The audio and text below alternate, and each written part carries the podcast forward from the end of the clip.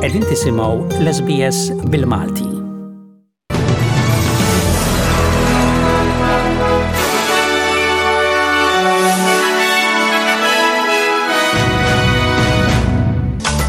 Roberta Mezzola qed iżżur Malta fl-ewwel żjara uffiċjali tagħha minn wara ġiet eletta President tal-Parlament Ewropew. Titħabbar il-mewt ta' Harry Zammit Cortina u il-koalizjoni fl-Awstralja ikkritikata dwar l-isforzi tagħha biex tintem il-vjolenza domestika kontra in-nisa u it-tfal. Insellmilkom dan huwa ġewwaxa bulettin ta' aħbarijiet miġbura mir-riżorsi tal-SBS.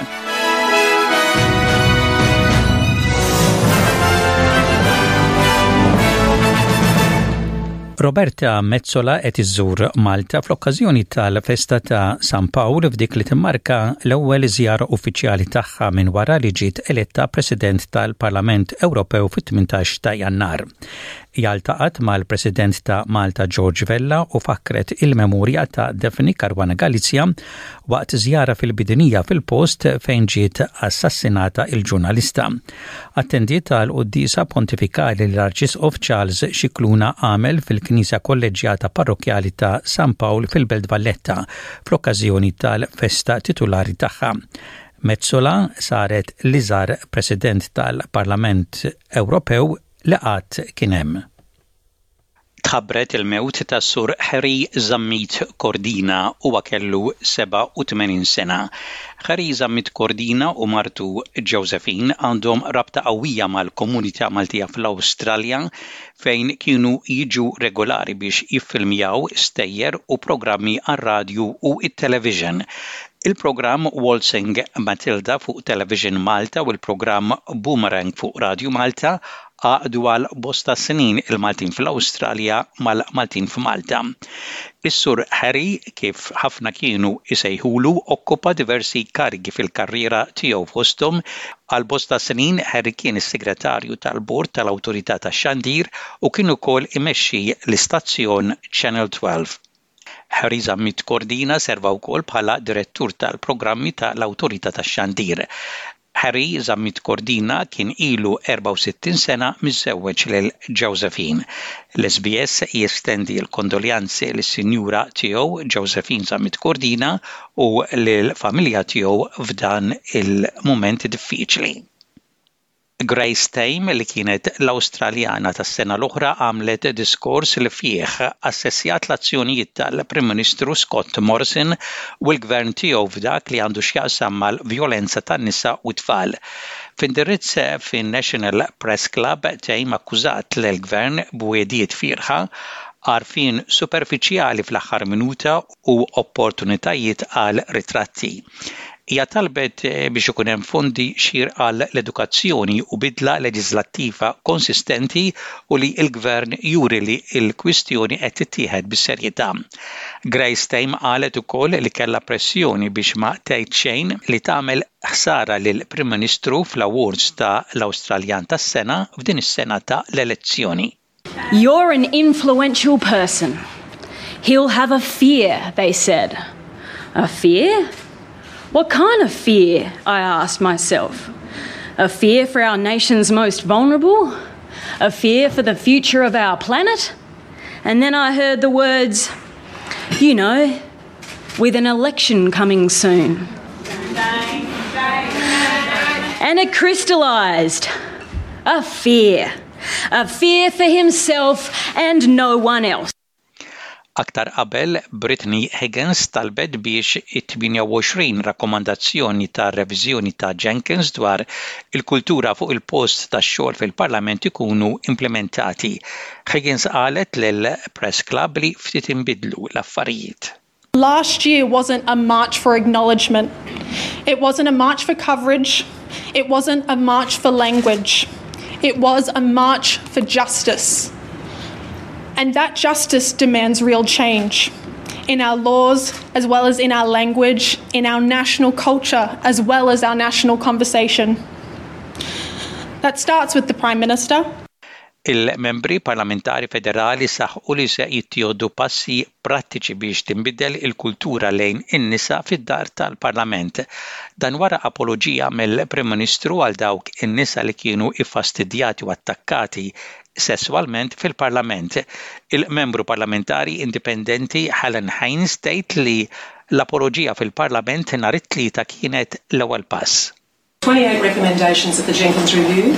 I want to make sure that all 28 recommendations are implemented. That's the bit that matters. That's the rubber that hits the road. That's what women, uh, that's what people who've been bullied or harassed or, or sexually abused uh, in this place need to see. We need to see change Kumpanija tal-karozzi elettriċi fl-Awstralja qed tippjana li tiftaħ faċilità f'Tennessee biex tibda tipproduċi ċarġers tal-karozzi fil-ħarifa. Il-Kap ta' Tritonum jgħid li l-organizzazzjoni kellha tibdel l-istrateġija globali tagħha u tirrispondi għal talba qawwija tal-prodott tagħha fl-Istati Uniti. Il-President Amerikan Joe Biden jgħid li l-partijiet li jinħadmu fl-Istati Uniti se jintużaw biex jiżviluppaw 30 elf vettura tal-elettriku kull sena. So, the benefits are gonna ripple to thousands of miles in every direction and these jobs will multiply in steel mills, small parts suppliers, construction sites all over the country in the years to come. and it's going to help ensure that the American America leads the world on electric vehicles. China has been the leading that race up to now, but this is about to change. Fl-Għarb, f'Għawdex, bdiet topera dar il-kantoniera. Diġà għandha n-numru massimu ta' residenti li tista' tilqa', dar il-kantoniera qed toffri l-ewwel servizz tax-xorta f'Għawdex lil nies f'Għawdex bi sfidi tas-saħħa mentali, biex tippreparahom ħalli jerġgħu lura fil-komunità tagħhom.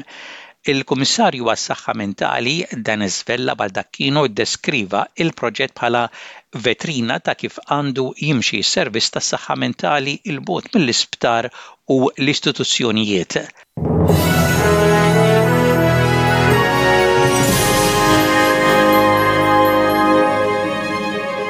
Fl-isport, it-tim nazzjonali Malti ser ikun qed jilgħab żewġ logħbiet internazzjonali f'Marzu. Bjorn Vassallo, President tal-Malta Football Association qal li l-assoċjazzjoni rnexxielha tassikura li jmorru Malta tliet timijiet nazzjonali fosthom l-Ażarbajġjan, il-Kuwajt u l-Latvja. It-tim Malti ser ikun qed jilgħab żewġ logħbiet fil-25 ta' Marzu kontra l-Ażarbajġjan u kontra il-Kuwajt fid-29 ta' Marzu. Il-Latvja mhux se jilgħabu kontra Malta iżda wkoll kontra dawn iż-żewġ timijiet nazzjonali. Żebbuġ Youngsters komplew għaddejjin bir-rebħ fil-kampjonat tat-tieni diviżjoni tal-Malta Football Association meta ftit sabu diffikultà biex jegħlbu lil Fgura bl-iskur ta' tlieta b'xejn. B'din ir-rebħa Żebbuġ baqgħu jżommu r-rekord perfett tagħhom hekk kif rebħu t-tmien logħbiet li lagħbu. Sadattant, it-tliet timijiet li qegħdin wara Żebbuġ, San Ġwann, Imqabba u Balluta, kif mistenni kisbu t-tliet punti mill-logħbiet rispettivi tagħhom. It-tim nazzjonali Malti tal-water polo imexxi mill-kowċ Karl Izzo jinsab fl-Italja f'Ligurja għal kamp ta' taħriġ. Il-kamp qed isir bħala preparazzjoni għat-tliet logħbiet ta' kwalifikazzjoni li t-tim Malti għandu aktar tard dan ix-xahar.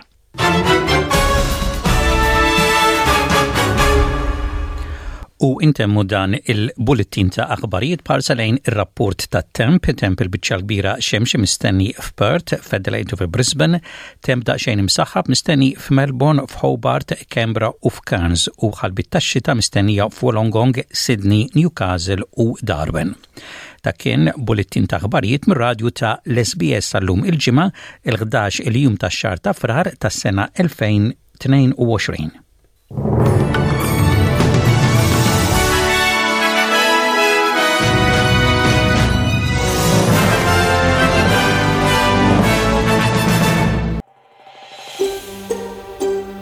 Trid tisma' aktar stejjer bħal din? Isma' fuq Apple Podcasts, Google Podcasts, Spotify jew kull fejn tisma' l-podcasts tiegħek.